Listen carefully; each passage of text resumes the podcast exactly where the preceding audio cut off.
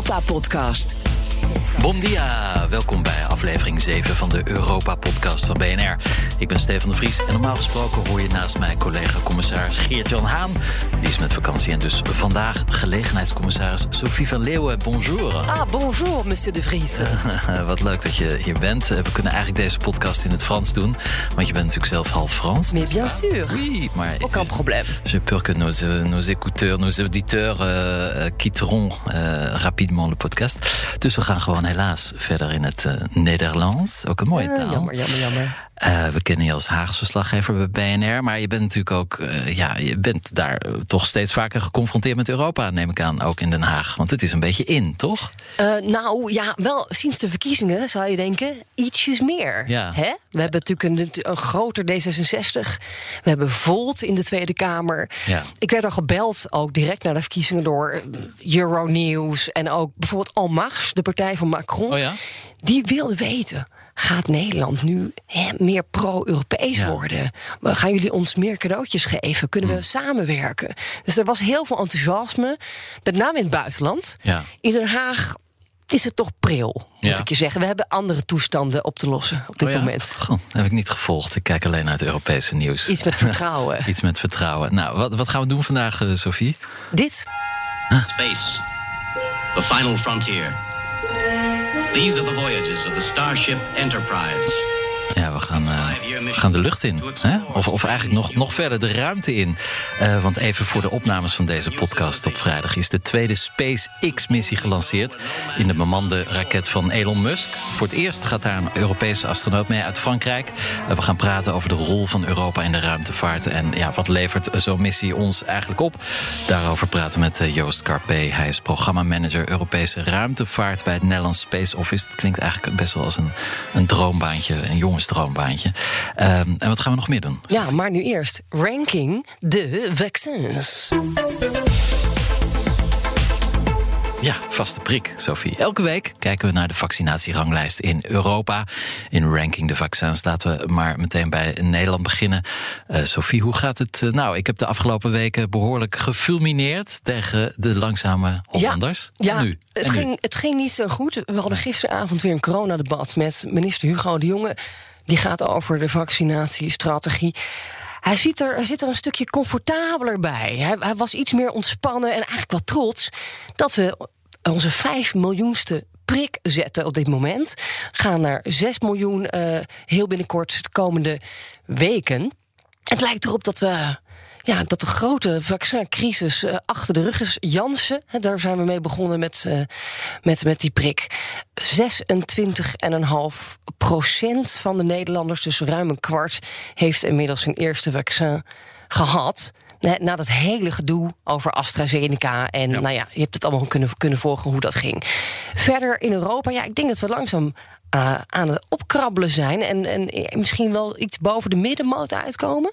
Ja, zeker. Want het uh, Europese gemiddelde, uh, daar staan we al lang boven. Dat is 23,7 procent. Nou, de allerlaatste cijfers van Nederland is dat wij nu op uh, 27,6 procent staan van mensen met een eerste prik. Dus 27,6 procent van de bevolking. Malta doet het al de hele tijd goed. Die zit nu op 38,8 procent. Maar er is een nieuwe koploper.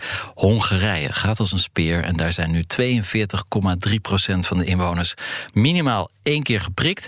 Het EU-gemiddelde is dus 23,7 procent. Iets minder dan een kwart van de Europeanen. En dat is ook precies de score van de grootmachten Frankrijk en Duitsland.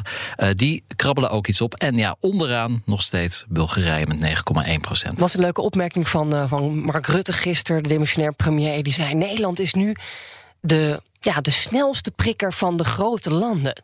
Toen dacht ik, oké, okay, sinds wanneer zijn wij een groot land? Want we zijn nog steeds niet sneller dan een aantal andere kleine landen. Ja, dat klopt. Maar goed, zo kun je het altijd nog mooier presenteren. Ja, dat is het voordeel van statistiek. Is... Daarom ben ik er ook zo gek op. Je kan er precies mee doen wat je wil. Mensen denken cijfers liegen niet, maar juist met cijfers kun je heel veel spelen. En over de grote landen. Ja, Nederland is natuurlijk eigenlijk de grootste van de kleine of de kleinste van de grote. Het is maar net hoe je het bekijkt. Geografisch of qua inwoners. Qua inwoners en ook qua economie. Ja, dus, uh, inderdaad. Het is maar net wat je, hoe je ernaar kijkt. Anyway, er is weer hoop in ja. Nederland. Er is weer hoop.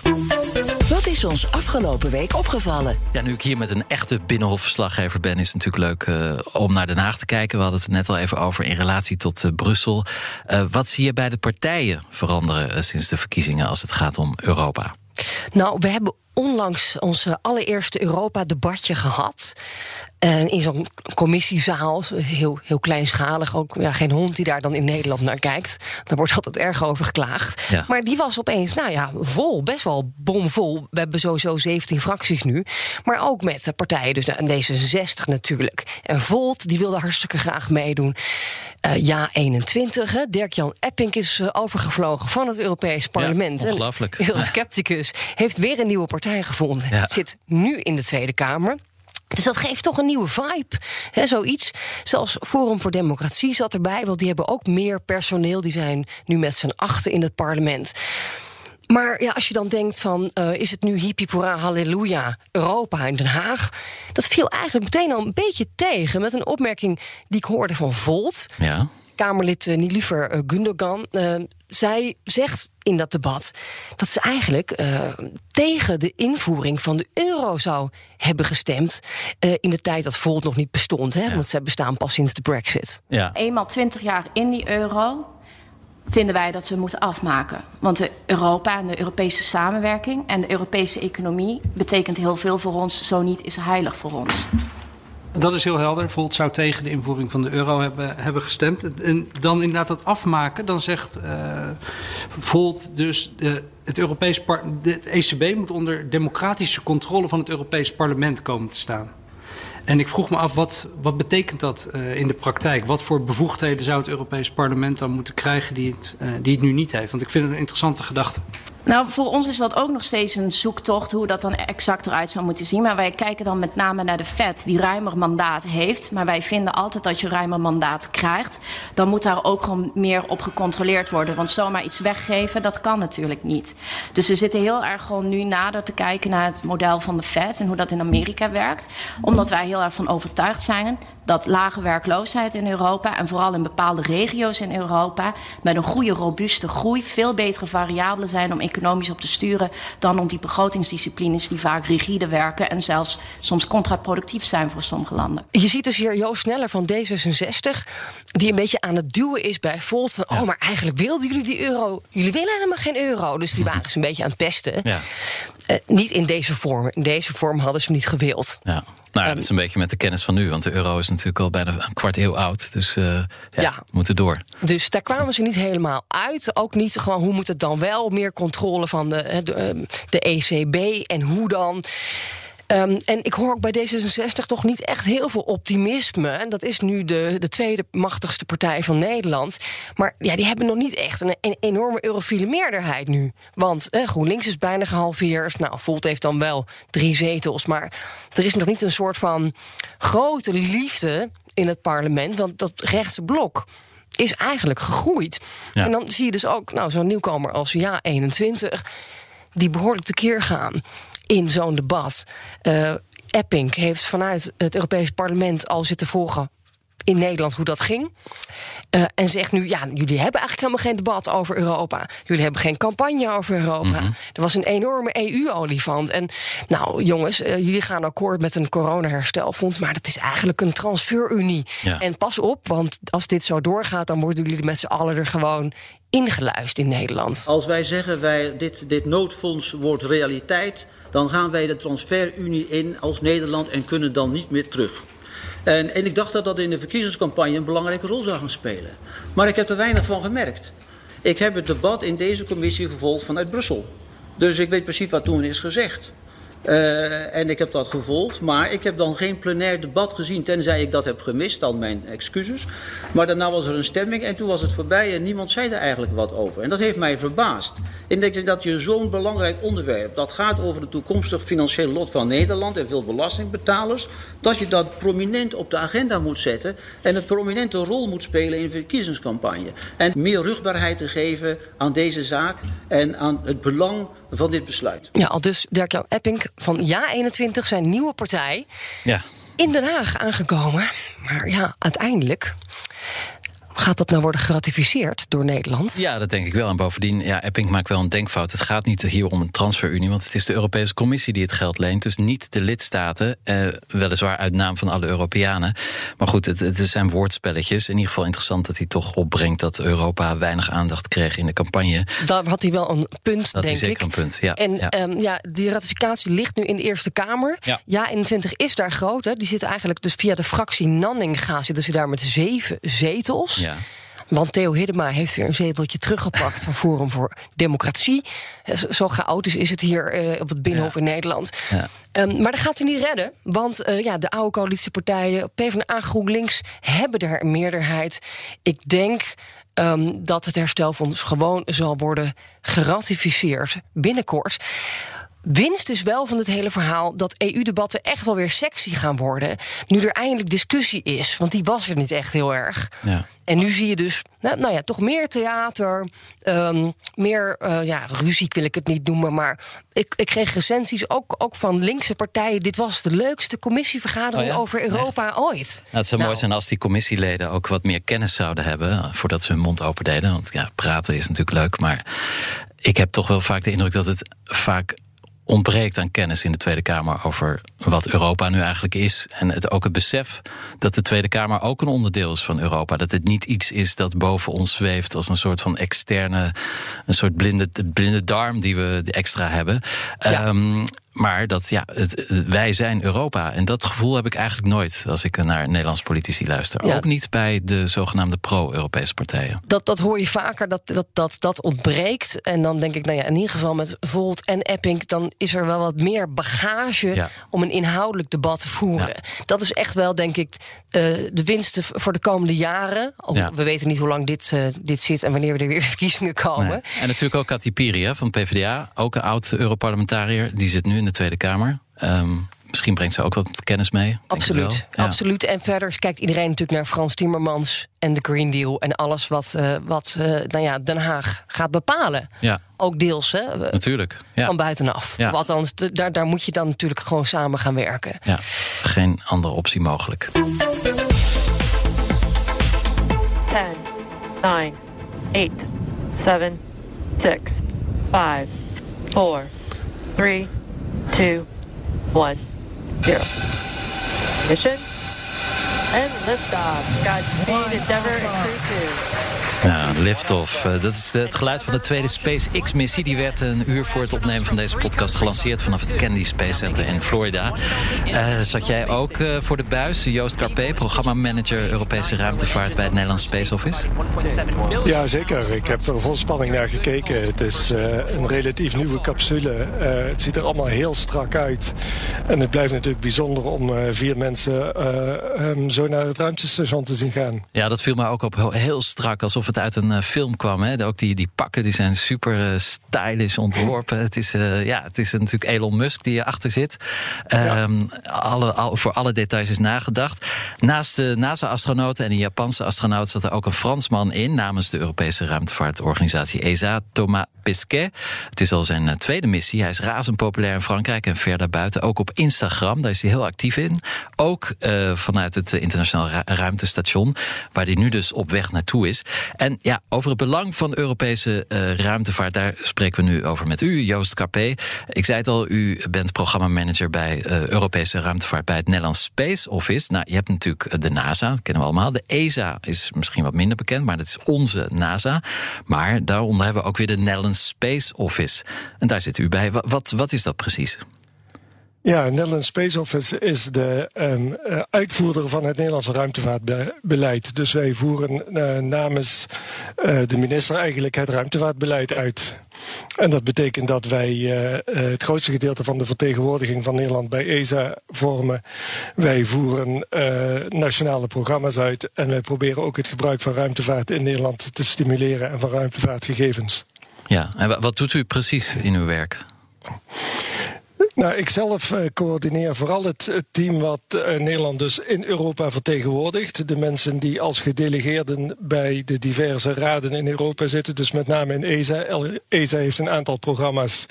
En in die programma's, eh, die worden bestuurd door een programmaraad van de lidstaten die meedoen in dat programma. En daar hebben wij een officiële positie. En verder eh, coördineer ik ook de uitvoering van die nationale programma's. En zelf eh, ben ik de Nederlandse gedelegeerde in de programmaraad voor het astronomieprogramma van ESA, het zogeheten uh, Science-programma. Ja, in de ESA zitten niet alle Europese lidstaten, hè, geloof ik. Het is niet... Nee, bijna wel inmiddels, maar um, niet helemaal. Het is niet helemaal één op één. En natuurlijk, uh, Engeland is een grote bijdrager aan ESA en uh, niet meer aan de EU. Nee, inderdaad. En terug even naar die missie, die lancering. Uh, wa waarom is die zo belangrijk? Nou, om verschillende redenen. Uh, de, de, belangrijkste is natuurlijk dat het altijd tot de verbeelding spreekt als er een astronaut, zeker een Europese astronaut, naar het Space Station gaat. Uh, maar dit is een hele bijzondere missie, omdat uh, dit voor de eerste keer, of eigenlijk de tweede keer, met een commerciële capsule gaat. Dat betekent dat dit is geen raket van NASA, maar een raket van SpaceX. En in feite koopt NASA een, een, kaartje naar het Space Station. Dus het is een soort chartervlucht eigenlijk. Het is als het ware een chartervlucht, ja. ja, ja. En hoe, hoe zit het precies met de Europese inbreng in deze missie? Die heet Missie Alpha, hè? als ik het goed heb. Ja, ja dit, uh, Thomas Pesquet die uh, is, um, uh, zoals de vorige ESA-directeur dat zo mooi zei, een Europese astronaut met een Frans paspoort. En die, hij wordt ook een, voor een aantal uh, maanden commandant van het Space Station. En hij gaat daar een aantal wetenschappelijke experimenten uh, uitvoeren. Er is aan boord van het Space Station een heel laboratorium. Of eigenlijk is het Space Station een vliegend laboratorium. En daar gaat hij werken. En wat, wat voor experimenten moet ik aan denken, concreet? Nou, er zijn, ik weet natuurlijk niet precies zijn programma, maar er zijn um, een aantal uh, doelstellingen met het Space Station. En dat, is, dat noemen we dan microgravity onderzoek. Dus dat is onderzoek bij uh, gemakshalve zonder zwaartekracht. biologisch onderzoek, chemisch onderzoek. er wordt onderzoek gedaan naar um, hoe mensen zich gedragen en veranderen onder, onder die condities. Dus bij, bij 0G, zoals we dat noemen. En ook um, hoe het lichaam zich aanpast. Uh, en daar uh, wetenschappers dienen voorstellen in om uh, onderzoek te laten doen. Daar zit een wetenschappelijke commissie die dat beoordeelt. En de beste onderzoeken, de meest relevante onderzoeken, die worden dan uitgevoerd. En doet Nederland nou eigenlijk genoeg, vindt u, aan, aan ruimtevaart? En ook als je kijkt, Europa, wij lopen altijd een beetje achter, hè, technologisch, op wat China of Amerika, wat die allemaal doen. kan, kan, dat dan nog, kan er nou nog meer? Of bent u hier wel tevreden mee? Ja, er kan altijd meer. Um, kijk, wij roeien met de riemen die wij krijgen. De keuze hoeveel je aan ruimtevaart besteedt is een politieke keuze. Maar uh, binnen het budget dat wij hebben speelt Nederland een, uh, uh, zijn viool wel mee. wij, wij hebben natuurlijk André Kuipers als astronaut gehad. Maar in Nederland zijn we heel erg goed in het bouwen van wetenschappelijke instrumenten. Um, bijvoorbeeld de, het Tropomi-instrument houdt elke dag de kwaliteit van de lucht om ons heen in de gaten. Dat is een grotendeels Nederlands instrument. En zo zijn er nog een aantal. Aan boord van het Space Station zitten ook uh, laboratoriumdelen, uh, gloveboxen die door Nederland geleverd zijn. En daar gaat geen Europese raket omhoog zonder Nederlandse technologie. Dus wij, uh, wij spelen ons, onze partij goed mee in Europa. Ja, als, als we kijken naar de NASA en, en ook de Russen en, en nu ook de Chinezen, die lanceren zelf mensen de ruimte in. ESA doet dat niet. Uh, wij gebruiken, wij, wij, ja, wij liften mee, letterlijk met de NASA eigenlijk. Uh, waarom, waarom doen wij dat zelf niet? Waarom sturen we geen Europeanen zelf de ruimte in? Nou, Europa heeft begin in de jaren tachtig een, een tijdje gewerkt aan een soort Europese versie van de Space Shuttle. Dat is toen beëindigd omdat het qua kosten uit de hand begon te lopen. En de Europese ministers die gezamenlijk het ESA-programma vaststellen, heeft besloten om geen raket te bouwen waar mensen mee naar boven kunnen. En als je ziet wat er nu in Amerika aan het gebeuren is met die commerciële lanceringen, kun je ook constateren dat er op een gegeven moment, als Europa zelfstandig zonder NASA een, um, een astronaut zou willen lanceren, dan kunnen ze dat inkopen. Ja. Maar we hebben een hele goede samenwerking in het Space Station met NASA. En um, dus uh, wij krijgen die stoeltjes in feite terug voor, uh, ik noem het maar even stoeltje, die rit naar het Space Station krijgen wij terug voor onze bijdrage aan het Space Station. Maar, maken we ons niet veel te afhankelijk uh, van de andere mogendheden? Ik bedoel, ja, nu hebben we dan misschien weer een vriendje, meneer Biden, die daar zit. Maar ik kan me voorstellen dat dat ook ja, risico kan zijn. Of dat je toch een beetje kwetsbaar bent als Europa als je daarop moet leunen?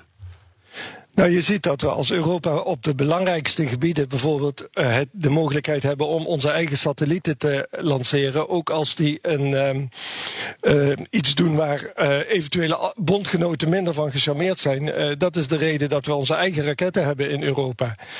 Maar juist de, de bemenste ruimtevaart, het vliegen naar het Space Station, dat is zo'n groot samenwerkingsproject dat het eigenlijk zijn wij niet zozeer afhankelijk van de Amerikanen. Maar alle landen die meedoen in de Space Station zijn afhankelijk van elkaar. En dat garandeert ook dat je uh, goed samenwerkt en dus ook dat die stoeltjes beschikbaar komen. Dus er is geen dus... risico dat wij onze satellieten niet meer de lucht in kunnen sturen? Als, uh, nee, als dat niet mag van een ander. Nee, onze satellieten kunnen we als Europa zelf uh, lanceren. Dat is een hele duidelijke strategische keuze van Europa geweest. Net zo goed als het een strategische keuze is om ons eigen GPS-systeem, het Galileo-project, uh, om dat te hebben. Omdat die van strategisch zodanig belang zijn dat je dat als Europa zelf moet willen. Ja, hoe, hoe hou je zoveel Europese landen bij elkaar in de ESA? Want bijvoorbeeld Frankrijk, uh, daar staat het hoofdkantoor, geloof ik, van de ESA. Ja? Die hebben natuurlijk zelf ook een best een, ja, een, een, grote eigen space-industrie. Um, die hebben weer andere belangen dan misschien Duitsland. Of hoe, hoe, hoe lukt het om al die landen met elkaar samen te werken? Nou, de, de, op de mooiste manier die er is, omdat iedereen het gemeenschappelijk belang ziet. En natuurlijk zijn er uh, onderlinge meningsverschillen, maar die los je op omdat je een, uh, dat gezamenlijke doel ziet. En in ESA is het gegarandeerd dat wat je als land inlegt in, uh, um, in ESA, dat daar een, een minimumpercentage van, ik geloof 93% terugkomt naar je land. Dus um, als middel om je eigen innovatieve ruimtevaartindustrie te stimuleren, geeft ESA die garanties af.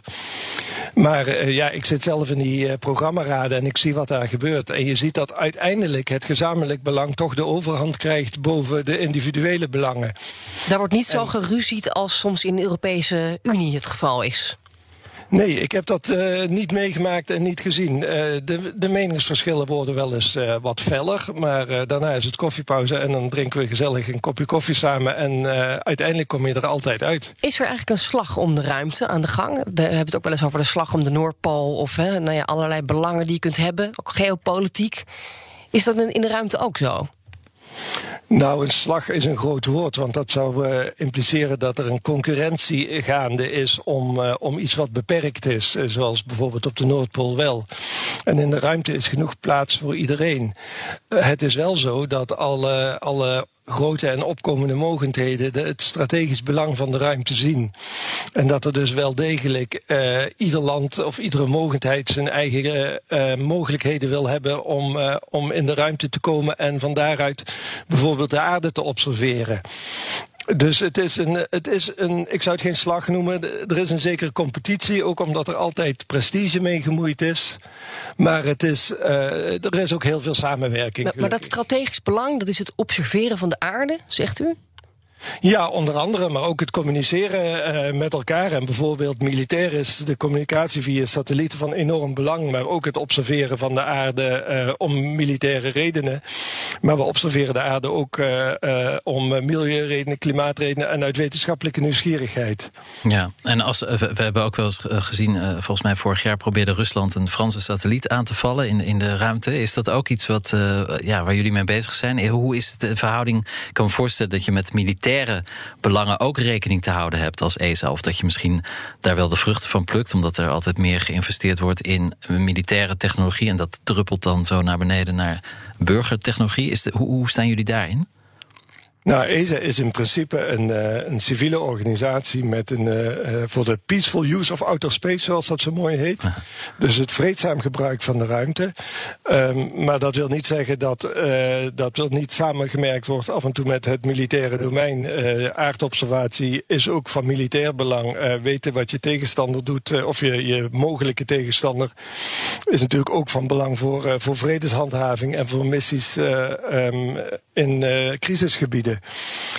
Maar het is niet zo dat, uh, dat er gewerkt wordt uh, in, in ESA-verband of in nationaal verband aan wapens in de ruimte. Nee. waar precies de grens ligt tussen militair en civiel gebruik, ja, dat, dat vervaagt een beetje zoals dat met veel technologie is. Maar ehm, ik wil toch even rechtzetten, elkaars satellieten aanvallen is er nog geen sprake van. Het is wel zo dat wij, ehm, althans de militairen zien dingen gebeuren dat bijvoorbeeld er satellieten bij, bij andere satellieten gaan hangen en daarmee lijken te luisteren. Ja, dat gebeurt. Dat... Even meekijken over de schouder. Ja, zoiets. Ja. Meeluisteren, eh, het glas op de muur, zeg maar. Ja, ja. En dan zien we misschien ja, de, de, Russische satelliet zo net tegen die van de Oekraïne aan. Gebeurt dat ook in de ruimte? Nee, uh, er, is wel een, eh, een um, demonstratie van een anti-satellietwapen geweest door, uh, door de Chinezen. Die hebben een, een, een eigen satelliet kapotgeschoten. En dat heeft een enorme hoop ruimtepuin veroorzaakt. En daar is internationaal ook nogal wat ophef over geweest, want het is al een aantal jaren geleden. En het, het probleem is als je andermans satelliet kapot schiet, is dat dat puin ook je eigen satellieten kan raken. Dus dat is een zekere manier van een balans. Um, maar uh, ja, het is natuurlijk wel, er zijn allerlei mogelijkheden om andermans satellieten te saboteren. Maar we zien daar op dit moment geen, uh, geen uh, voorbeelden van. Um, mocht het ooit tot een echt conflict komen, dan wordt dat natuurlijk een ander verhaal. En daar wordt in militaire kringen vast goed over nagedacht. Het klinkt toch een beetje als Star Wars dit. Maar goed, u zegt, uh, zo, zo erg is het ook niet. nee, we hebben ook geen Darth Vader eh, in de ruimtevaart, voor zover ik weet. Dus, uh, en Captain is, Picard. ja. Nou, Captain Picard hebben we natuurlijk wel. Want dat zijn, er zijn wel aansprekende astronauten. Dus die hebben we wel. Thomas, Thomas Pesquet is heel aansprekend. Hij is een beetje een rockster aan het worden. Um, tot, tot slot, als we naar de toekomst toekomst kijken, wat, wat is de grootste uitdaging voor de ESA op termijn? Ja, de, de, grootste uitdaging. Uh, uh, er is nu geen hele specifieke crisis aan de hand. Maar de uitdaging blijft natuurlijk dat Europa voor blijft lopen, uh, mee voorop blijft lopen in de ruimtevaart en zijn rol blijft spelen. Maar als ik kijk naar wat er in Europa aan het gebeuren is, dan geloof ik dat dat wel gegarandeerd is, omdat de Europese leiders de aantrekkelijkheid van ruimtevaart en het strategisch belang van ruimtevaart wel zien. Wilt u nog een oproep doen? Want wij zitten binnenkort in een, hopen we, in een kabinetsformaat. Dus u kunt uw uh, eisen of uw wensen bij deze op tafel leggen. Nou, als, eh, als ambtenaar heb ik niet zoveel te wensen. Maar wat ik, uh, wat ik hoop is dat uh, iedereen die daar aan tafel zit het belang van ruimtevaart en het belang van het gebruik van ruimtevaart en die enorme hoeveelheid kennis die er naar beneden komt over de aarde en over het heelal, dat dat gezien wordt en dat er voldoende waardering voor de ruimtevaart is. Ja, denkt u dat er genoeg kennis is in Den Haag over ruimtevaart? Nou, als ik zie welke vragen er de, tegenwoordig gesteld worden bij, uh, uh, bij brieven naar de Kamer over ruimtevaart, dan heb ik daar alle vertrouwen in. Ja, er is zeker inzicht in, uh, in wat ruimtevaart kan bieden. Dus wat dat betreft ben ik daar heel positief over. Oké, nou dank u wel, Joost Carpe, programmamanager Europese ruimtevaart bij het Nederlands Space Office. En wat zeggen ze ook alweer? Shoot for the stars, aim for the moon. Dank u wel. ook bedankt. Oké. Okay. Nou, dat was toch even alsof we midden in Star Wars zaten. Ja, hartstikke spannend, man. Ik vind het echt. Uh, ja, ik ben weer een klein jongetje als ik zo'n raket. Oh, je wilde ook astronaut worden? Ja, ja, wie wilde het nou niet eigenlijk? Wil jij dat dan niet? Nee, ik, ik Had, dat zo, ik had geen ruimteambities. Je had geen Nee. De aarde was groot genoeg voor je. Doe, doe mij maar iets op de radio. Oh ja, oké. Nou, mijn ego is dan misschien wat groter dan. geen plek op aarde. Extraterrestre. Oei. Eurocommissarissen Haan en de Vries houden de Brusselse zaken scherp in de gaten. Stefan? Ja? Uh, had jij eigenlijk nog nieuws meegenomen uit het uh, geweldige continent van je? Nou, eh, wat mij opviel in Brussel deze week, uh, een paar dingen, maar dat betreft eigenlijk onszelf, de media, de journalistiek. De Europese Commissie heeft een roadmap gepresenteerd over de, om de veiligheid van journalisten te waarborgen. daar kan iedereen aan meedoen. De, de, link staat op hun website van de Europese Commissie. Um, dat is natuurlijk heel actueel we zagen deze week in Nederland uh, die fotograaf... die uh, ja, de moordaanslag, kunnen we dat wel noemen, in Lunteren...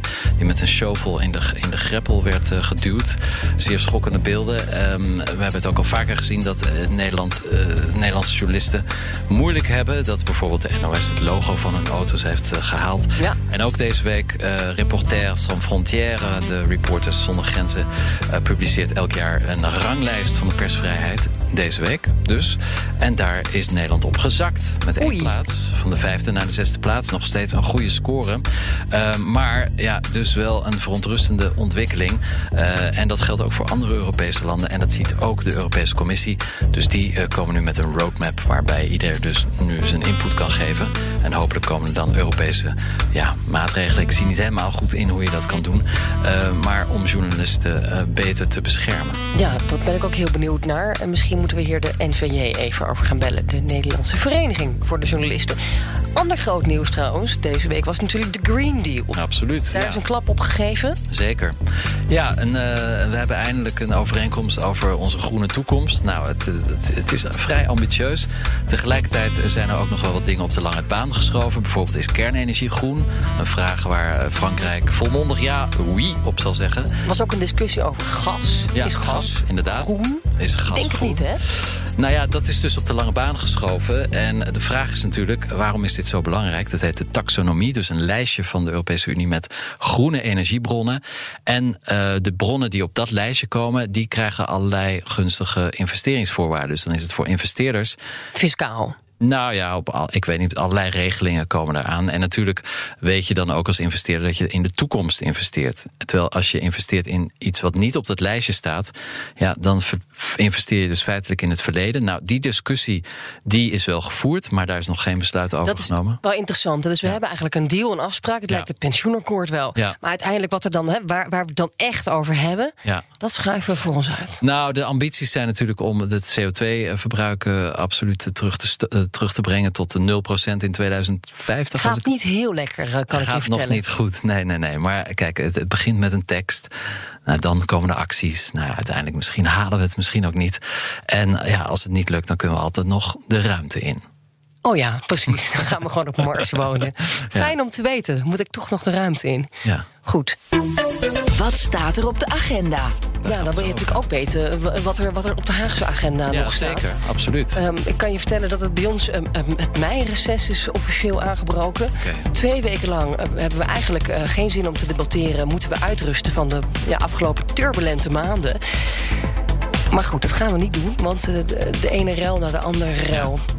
Eh, het rolt over elkaar heen. Eh, Nederlands nieuws, hè, de toeslagenaffaire, Ja. eh, het vertrouwen, de formatie. Ja, dan komt Europa, Europa echt heel erg ver onderaan, vrees ik. Ja, het was al een beetje onderaan het lijstje, maar ja, nu bu- bungelt het helemaal ergens heel ver weg. Het enige wat ik wel voor je heb is ehm, volgende week woensdag. Dan komt er een, een wetgevingsoverleg over ehm, onder meer de quarantaineplicht Ja. in Nederland.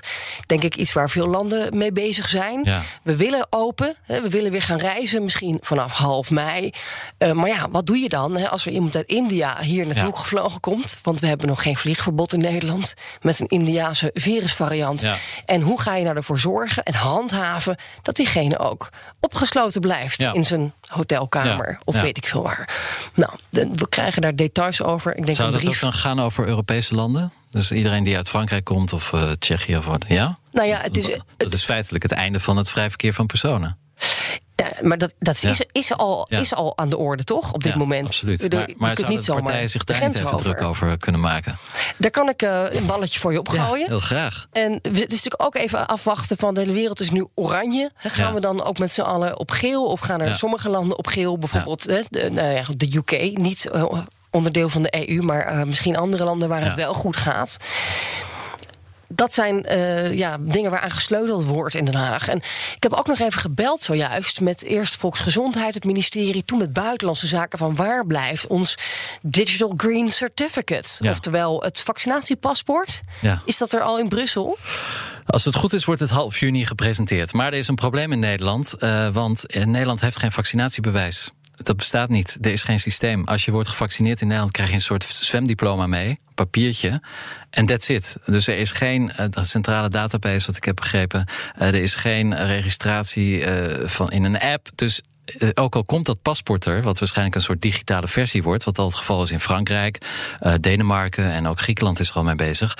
Uh, ja, dan hebben we helemaal geen data die we daarin kunnen stoppen. Dus er is, ik zie nog een, uh, een kleine horde voor die we moeten nemen ja, voordat we zo'n groen paspoortje. Ik hoor dat er nog heel hard over nagedacht wordt en gesleuteld in Den Haag. Um, ik heb ook nog gesuggereerd, jongens, kunnen we niet gewoon. Ik heb zelf zo'n geel, zo'n tropenboekje met ja. allemaal stempels en de gele koorts of weet ik veel wat voor prikken hè, je dan ja. moet, moet, moet nemen. Waarom gaan we niet gewoon met dat gele boekje op reis? Ja, goede vraag. Probleem opgelost. Ja. En dat de GGD dan een stempel zet van jij bent ja. getest. Uh, bienvenue en France. Of ja. succes en fijne vakantie. Ja. Nou ja, het moet dan natuurlijk erkend worden internationaal. Dat is het hele punt waarom de Europese Commissie hiermee komt. Omdat we dan één model hebben. Daarna is het aan de lidstaat om te kijken hoe ze het ook gaan gebruiken. Maar ja, het is wel duidelijk dat er één, één homogeen uh, model moet komen. Of een app of whatever. Um, anders sta je nog bij iedere grens uh, te wachten. gaan ze bellen en checken. Dus ik heb is... niet de indruk dat Den Haag bezig is met een homogeen model. Ik heb het idee dat zij, zij denken dat we zelf iets het wiel opnieuw moeten ja, uitvinden. Zoals het altijd gaat in Den Haag. Niet even naar de buren kijken. Misschien dat ze wel even naar deze podcast luisteren. Ik zal om het doorgeven. idee over te doen. Ja. Ik zal het doorgeven. Maar goed, uh, ja, nou, dat wachten we af. Daar zullen we ongetwijfeld de komende weken ook over gaan hebben. En jij, Stefan, waar kijk jij naar uit volgende week? Nou, volgende week is weer de plenaire sessie uh, in het uh, Europees Parlement. Dat betekent dat uh, iedereen bij elkaar komt om over van alles en nog wat te stemmen. Um, een belangrijke stemming is over het handelsakkoord met het Verenigd Koninkrijk. Um, daarover zeggen de commissies, dus die adviseren het parlement om, om voor te stemmen voor dit handelsakkoord. The Brexit is a historic mistake, but now we need to establish a strong fundament for future relations. Dus onze toekomstige relaties zijn nog steeds niet geregeld met Engeland, met Groot-Brittannië. Nou, vanaf volgende week misschien wel. Uh, we zullen het zien. Dat staat dus op het programma in het Europees Parlement. Maar ik begrijp dat de Franse vissers aan het demonstreren zijn in dat klopt. Ja, Boulogne-sur-Mer. Ja, uh, die houden uh, Britse vrachtwagens tegen met vis. Want die zijn niet tevreden over de akkoorden die we hebben. het vissen, dat wordt langzaam afgebouwd in, in elkaars wateren. Um, en natuurlijk vissen de Fransen, maar ook de Spanjaarden en de Nederlands heel veel in Britse wateren. Dus dat is een flinke aderlating als we dat niet meer hebben. Dus nu zitten ze een beetje de Britse transporteurs te pesten. En ja, de vis uh, en gasten blijven drie dagen fris. Uh, dus als ze niet, uh, als er vertraging oplopen, dan is ook een handel waardeloos. Maar ja, dat is weer typisch een Franse manier van een punt maken. Maar inderdaad, dat is nu een probleem. In de hoop dat dit handelsakkoord toch weer, dat we weer overnieuw beginnen met de onderhandelingen. Ja, dat is natuurlijk volledig niet realistisch. Maar volgende week verwacht ik dat het Europees Parlement gewoon uh, stemt voor dit handelsakkoord. Dus dan zijn we eindelijk klaar mee. Ja, dan zullen we eindelijk misschien een beetje normaal kunnen omgaan. Uh, maar goed, er is altijd nog Boris Johnson. Die heeft altijd nog een verrassing. Dat is een geweldige vaccinatiestrategie. Ja, dat wel. Daar kunnen we nog wat van leren. De nummer 1 in...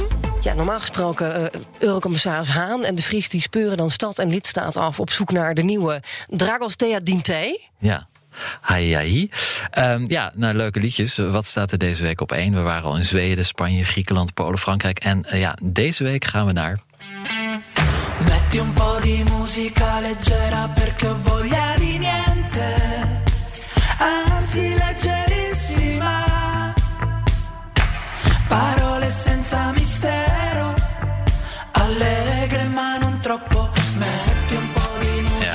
Italia.